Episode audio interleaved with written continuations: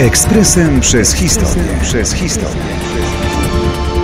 1 kwietnia 1579 roku król Stefan Batory założył Uniwersytet Wileński. Losy tej uczelni to długa i zawiła, choć niezwykle ciekawa historia.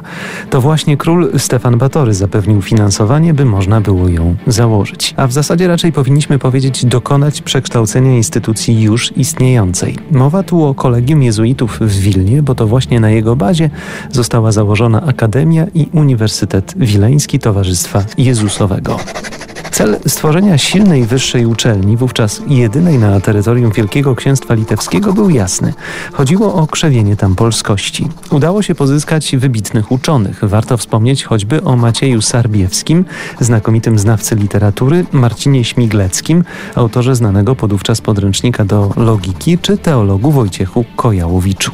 Nie zapominajmy, że wykładowcami i rektorami byli tu Piotr Skarga i Jakub Wujek, postacie dziś legendarne. W tak długim trwaniu uczelni musiały zdarzyć się okresy lepszej i gorszej dlań koniunktury. Rozkwit to z całą pewnością pierwsza połowa XVII wieku.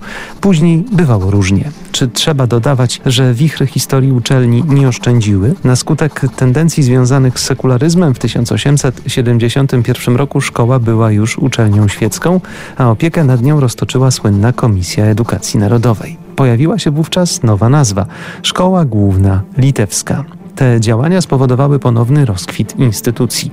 Po trzecim rozbiorze Polski nazwę znów zmieniono na Szkołę Główną Wileńską. Później car zgodził się jej przyznać spory zakres autonomii, kiedy funkcjonowała jako tzw. Tak cesarski Uniwersytet Wileński.